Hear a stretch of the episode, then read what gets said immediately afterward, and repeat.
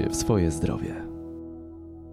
Witam serdecznie, Radio Klinika gości dziś u pana doktora Roberta Łukaszuka. Witam serdecznie. Bardzo mi miło, dzień dobry Państwu. Ja może zacznę temat y, od strony kościelnej, bo ja mam takie wrażenie, że istnieje jeszcze tak zwany kaszel kościelny. Bo mówiąc o kaszlu przewlekłym, to ja często w kościołach słyszę, to jest takie miejsce, gdzie jest bardzo dobra akustyka, no i tam często gdzieś słyszymy kaszlącą jedną panią, drugiego pana, przewlekły kaszel. No właśnie, mam wrażenie, że to y, jest coś, co wiele osób po prostu bagatelizuje. No kaszle, bo kaszle, kaszle, bo jestem starszy, starsza, a tutaj y, sprawa wygląda tak, że tego bagatelizować oczywiście nie wolno. Zgadzam się z tym. Jeżeli mówimy o przewlekłym kaszlu, to mówimy o kaszlu, który trwa minimum 6-8 tygodni. I generalnie przewlekły kaszel zawsze jest objawem przewlekłej choroby płuc. Bez względu na to, jak byśmy go bagatelizowali, próbowali marginalizować, nie zmienia to faktu, że jest objawem przewlekłej choroby, która sama bez leczenia nie ustąpi i wymaga pełnej diagnostyki, a następnie potem specjalistycznego leczenia. Przyczyn tego kaszlu jest wiele, stąd najlepszym rozwiązaniem jest wykonanie zdjęcia klatki piersiowej oraz zgłoszenia się do pulmonologa celem postawienia właściwej diagnozy. Doktorze, to jest tak, że rzeczywiście y, uderzająca jest gama tych przyczyn, które mogą powodować ten y, kaszel. Chciałbym, żebyśmy się y, oczywiście skupili na krótko na, na, na każdej z nich. Natomiast co jest też inną uderzającą rzeczą, że ten nieleczony kaszel może prowadzić na przykład, o czym ja nie wiedziałem, do złamanego żebra. Jeżeli mamy do czynienia z przewlekłym kaszlem, w pierwszej kolejności musimy spróbować ustalić jego przyczynę. Bez względu na to, czy on jest suchy, wilgotny, czy zmienia swój charakter w przeciągu czasu, musimy go zdiagnozować. I tutaj generalnie musimy y, wiedzieć, czy ten przewlekły kaszel jest naszym naturalnym odruchem obronnym, na przykład w takich schorzeniach jak tak zwany zespół zatokowo-oskrzelowy, gdzie mamy zajęte zatoki oboczne nosa, ściekanie wydzieliny po tylnej ścianie gardła do dróg oddechowych, wywołując tym samym przewlekły stan zapalny oskrzeli i kaszel. I tutaj mamy kaszel jako reakcję obronną organizmu przed dużo bardziej poważniejszą infekcją, na przykład zapaleniem płuc czy też mamy do czynienia z bezpośrednio toczącym się procesem zapalnym w tkance płucnej i w drzewie oskrzelowym i kaszel jest tutaj manifestacją bezpośrednio choroby, która powoduje uszkodzenie płuc.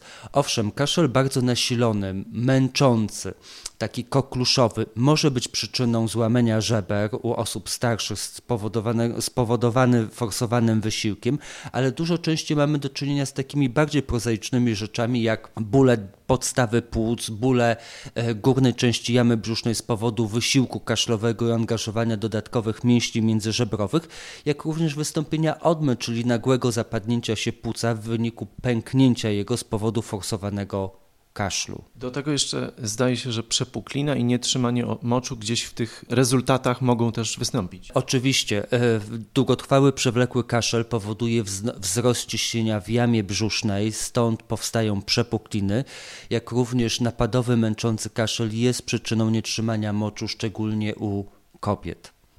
Gdzieś po tym sezonie naszym krakowskim, smogowym, ale nie tylko krakowskim, gdzieś ten temat kaszlu bardzo e, powracał. I mam takie pytanie, doktorze, czy zauważa Pan wzrost liczby pacjentów właśnie w okresach e, tych grzewczych? Na pewno w okresie pozaletnim mamy wzrost ilości infekcji, zarówno górnych, jak i dolnych dróg oddechowych, które generalnie warunkują nam tak zwany ostry kaszel, związany okołoinfekcyjnie. Natomiast sezon grzewczy, sezon zwiększenia zapylenia z powodu y, chemikalizacji życia, jakiejś zatrucia atmosfery, powoduje to, iż dochodzi nam tutaj do wzrostu częstości zaostrzeń przewlekłych chorób układu oddechowego, takich jak astma, POHP roztrzenia oskrzeli, gdzie mamy nawracające częste epizody duszności, napadowego męczącego kaszlu, a nawet tak zwanego łagodnego pokaszliwania jako początku przewlekłej choroby.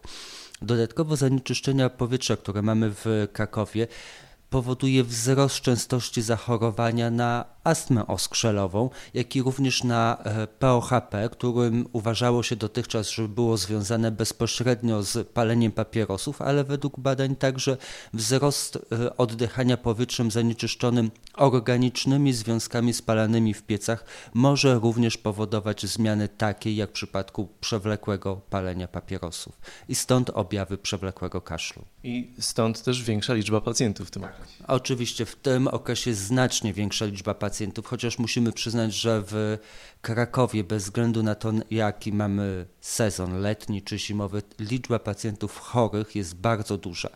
Tutaj chciałbym uczulić Państwa na jedną istotną rzecz, że Owszem, kaszel jest naszą jedyną tak naprawdę manifestacją przewlekłych chorób płuc. Pamiętajmy o tym, że płuca nie bolą. Płuca nie mają zakończeń bólowych, więc nawet jeżeli rozwija się tam jakiś przewlekły proces zapalny, to jedynym jego objawem będzie kaszel. Nie będziemy mieli bólu, tak jak w przypadku jamy brzusznej czy jakiejkolwiek innej części ciała.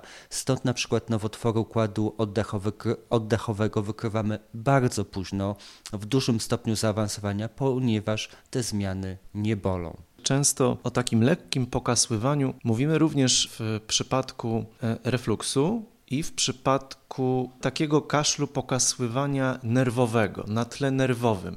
Tutaj pewnie diagnoza jest trudniejsza, natomiast to są też takie przyczyny kaszlu, które niekoniecznie mogą być związane z, oczywiście z problemem w płucach czy w oskrzelach. E, refluks e, żołądkowo-przełykowy, czyli jak gdyby nieznaczne cofanie się nawet minimalnych ilości e, jedzenia, kwasów żołądkowych do dolnej części przełyku powoduje przewlekły kaszel.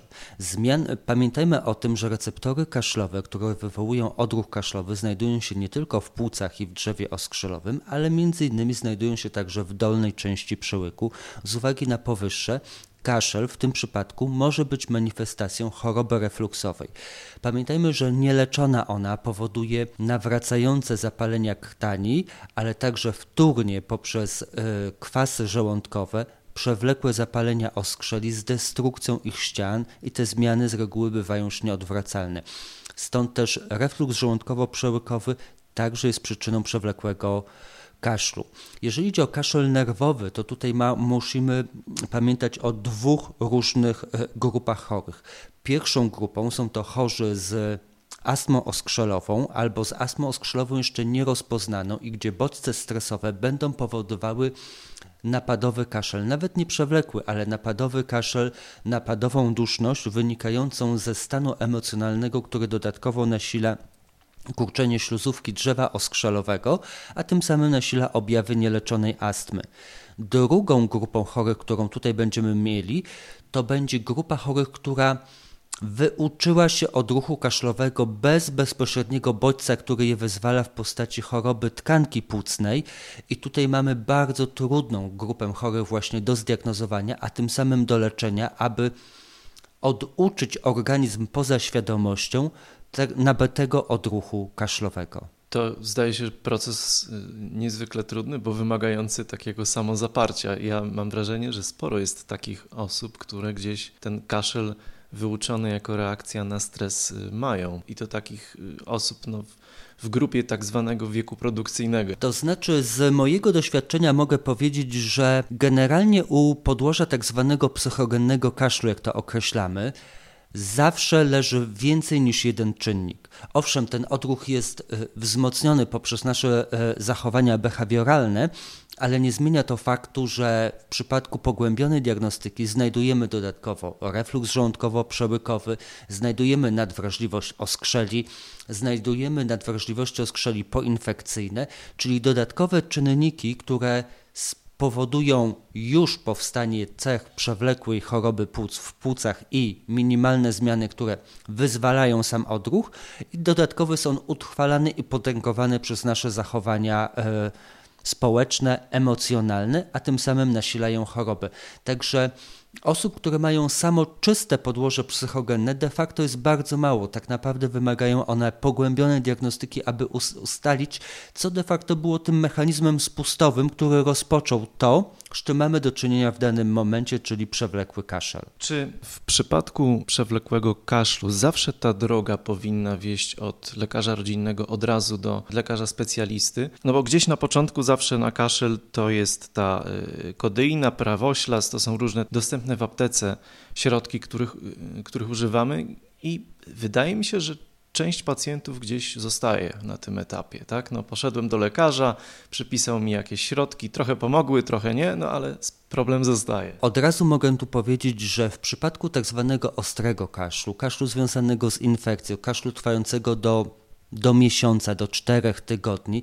Generalnie jest to pole działań lekarza rodzinnego.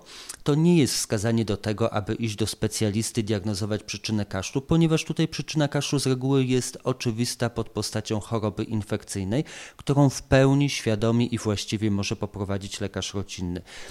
Natomiast jeżeli mamy do czynienia z kaszlem przewlekłym, czyli tak jak powiedziałem wcześniej, z kaszlem utrzymującym się powyżej 8 tygodni, niestety tutaj jest potrzebna zawsze diagnostyka specjalistyczna, z którą lekarz rodzinny nie poradzi sobie i nie jest w stanie jej wykonać z uwagi też na brak możliwości i narzędzi diagnostycznych potrzebnych do tego więc tutaj tak zwane tabletki nie pomogą i w przypadku kaszlu przewlekłego zawsze należy zgłosić, zgłosić się do specjalisty. Doktorze, jest oczywiście ta droga zawsze zaczynająca się od RTG, czyli mamy rentgen i mamy obraz płuc i tam z reguły już coś wyjdzie, ale niekoniecznie. No właśnie, bo powiedział Pan, że tych przyczyn może być więcej. Przyczyną mogą być na przykład choroby serca, więc y, jakby tutaj gama możliwości jest rzeczywiście duża i dla Was też utrudnione zadanie, bo nie zawsze to po prostu widać. Owszem, e, Rentgen klatki piersiowej może być czasami narzędziem niewystarczającym do tego, aby e, ocenić, czy mamy jednoznacznie do czynienia ze zmianami w płucach, czy też nie. Jednak nie zapominajmy, że jeżeli jest on właściwie wykonany, to pulmonolog oglądając zdjęcie i zbierając wcześniej wywiad chorobowy od pacjenta, jest w stanie znaleźć zmiany, które odpowiadają za ten proces chorobowy. I tak na przykład choroby serca, które manifestują się w układzie oddechowym, mogą powodować zmiany zastojnowe, które jesteśmy w stanie rozpoznać już w zdjęciu, mogą powodować subtelne zmiany w postaci powiększenia sylwetki serca, które także już widzimy, widzimy w zdjęciu. Stąd też tak ważne jest skierowanie tego pacjenta do specjalisty z przewlekłym kaszlem, powtarzam, aby można było to ocenić. Ale oprócz zdjęcia klatki piersiowej mamy całą gamę innych narzędzi. Nie zapominajmy, że świetnym narzędziem diagnostycznym klatki piersiowej, ale potwornie rzadko stosowanym w praktyce jest USG płuc.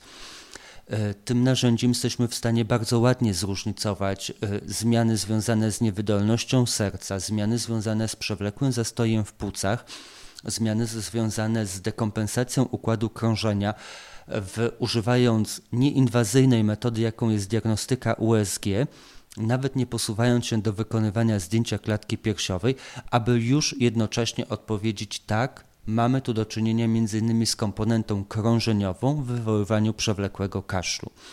Poza tym tą całą diagnostykę w przypadku jakichkolwiek wątpliwości możemy poszerzyć o tomografię komputerową klatki piersiowej, która precyzyjnie nam już tutaj zobrazuje tkankę płucną i jesteśmy w stanie odpowiedzieć dokładnie, z jakimi chorobami mamy do czynienia.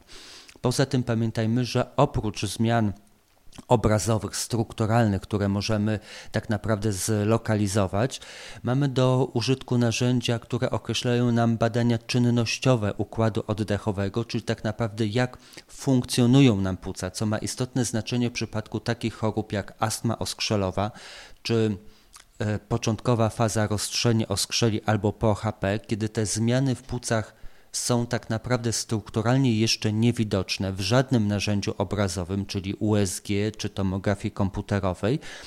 Natomiast w badaniach czynnościowych, takich jak spirometria czy bodypletyzmografia, jesteśmy w stanie już wychwycić te zmiany na minimalnym etapie i włączyć stosowne leczenie. Zatrzymajmy się, doktorze, na chwilę przy USG. Powiedział Pan, że rzeczywiście to jest rzadkie badanie, rzadko wykonywane. Dlaczego? Wynika to innymi z tego, iż e, pulmonolodzy dotychczas nie stosowali tego narzędzia diagnostycznego, przynajmniej w Polsce go nie stosowali. E, stosowali je sporadycznie i nadal go nie stosują. Jednak jest to narzędzie wyśmienicie obrazujące tkankę płucną, mimo że pozornie może nam się wydawać, że e, nie można go zastosować.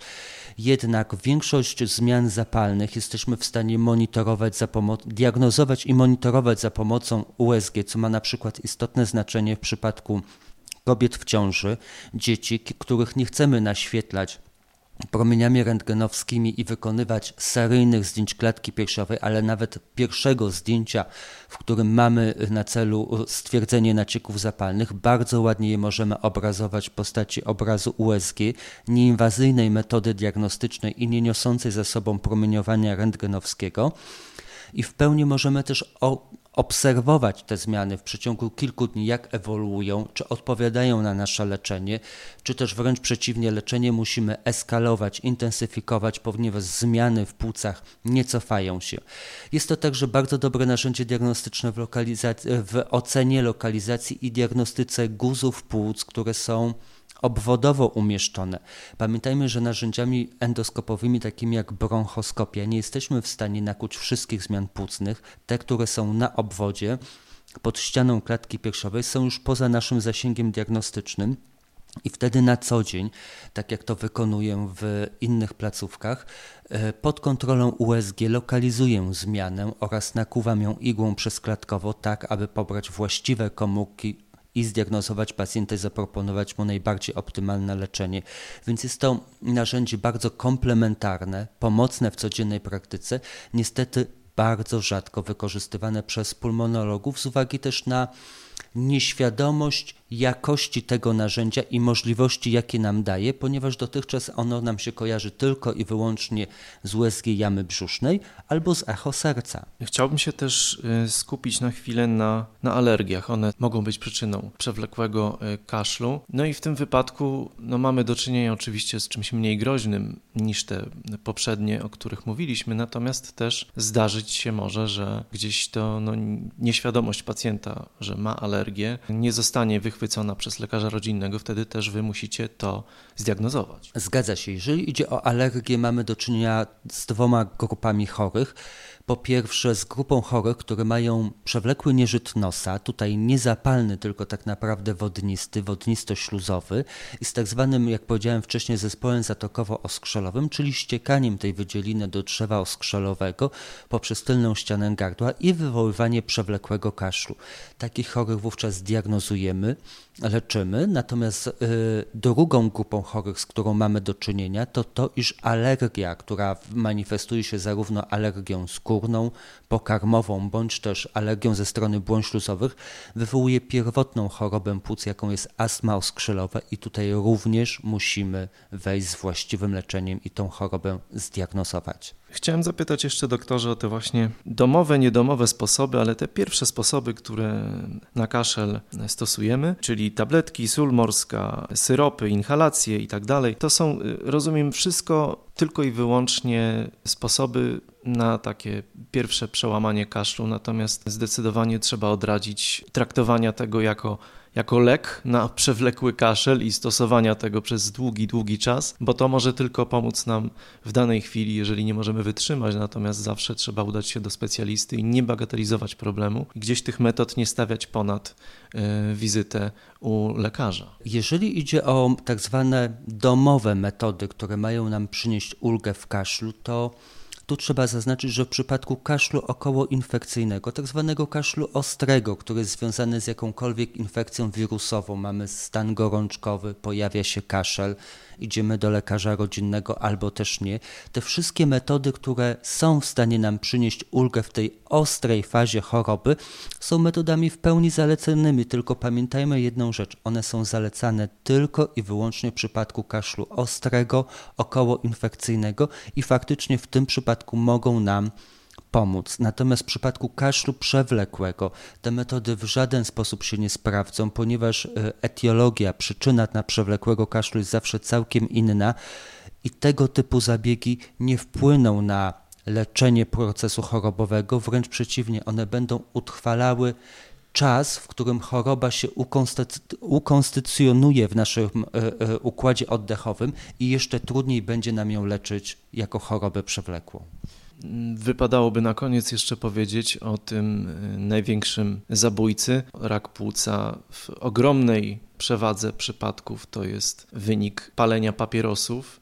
Natomiast no, to już wskazuje, że taki pacjent z przewlekłym kaszlem E, i tutaj wykluczamy no, na przykład POHP, no, ma świadomość, czy musi mieć świadomość, zresztą paczki papierosów już nie tylko mają teraz komunikaty pisane, ale też obrazki, które są. Ja, ja byłem, ja sam nie palę, ale jak widziałem te obrazki, to rzeczywiście robi to ogromne wrażenie. No właśnie, rak płuca który, tak jak Pan wcześniej wspomniał, też, no właśnie, nie boli. Zgadza się, rak płuca nie boli, natomiast jest chorobą w dużej mierze śmiertelną, bardzo późno wykrywalną. Pamiętajmy, że jest to nowotwór, który wiąże się z najwyższą śmiertelnością i umieralnością w stosunku do innych nowotworów całego naszego ciała, w związku z czym im wcześniej jesteśmy w stanie go wyłapać, stąd tutaj taki duży nacisk na badania profilaktyczne, tym większe szanse dajemy pacjentom na uratowanie ich, im życia.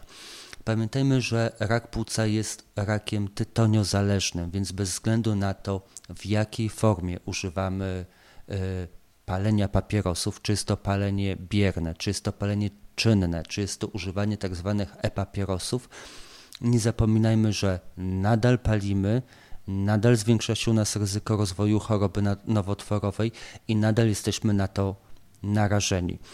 Natomiast oprócz y, tej choroby, o którą mówimy i mówimy o niej jako pladze i następstw y, i grupie chorób cywilizacyjnych, w układzie oddechowym istnieje jeszcze jedna bardzo ważna choroba, o której tak naprawdę y, w Polsce mamy bardzo niską świadomość, czyli o tak zwanych, o tak zwanych zaburzeniach oddychania w trakcie snu.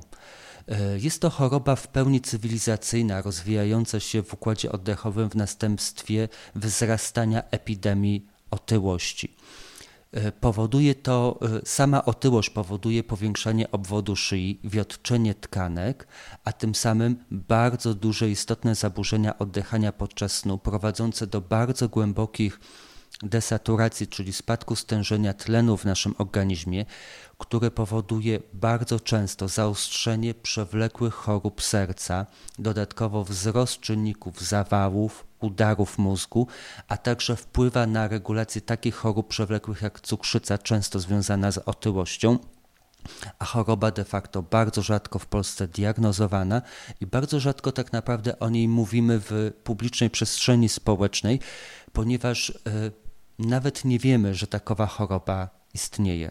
Doktorze, na koniec chciałem zapytać, czy z Pana praktyki można wyróżnić, no powiedzmy, trzy najczęstsze przyczyny przewlekłego kaszlu u Pana pacjentów, żebyśmy mogli jeszcze tak na koniec jeszcze raz przestrzec przed bagatelizowaniem e, kaszlu przewlekłego i wskazać na trzy te najczęstsze możliwe przyczyny. Jedną z najczęstszych przyczyn jest astma oskrzelowa. Dotyczy ona między 5 a 6% całego polskiego społeczeństwa, więc mamy do czynienia tutaj z olbrzymią liczbą chorych, bardzo często nieświadomych na to, że chorują na astmę oskrzelową, która objawia się albo napadową dusznością, albo przewlekłym kaszlem.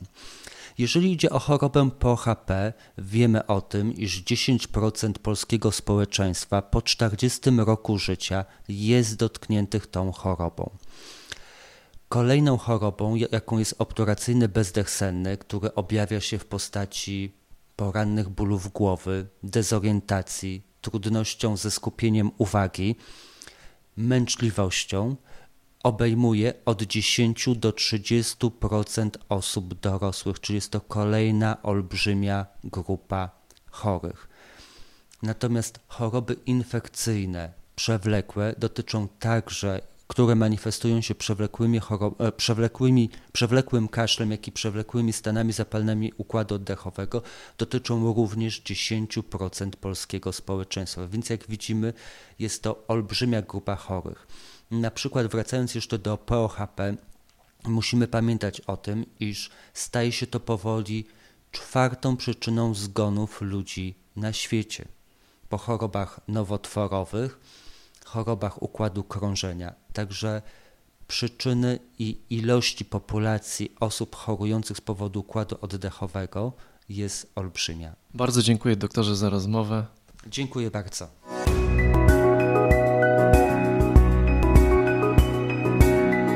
Więcej audycji o zdrowiu na stronie radioklinika.pl oraz w naszej aplikacji mobilnej.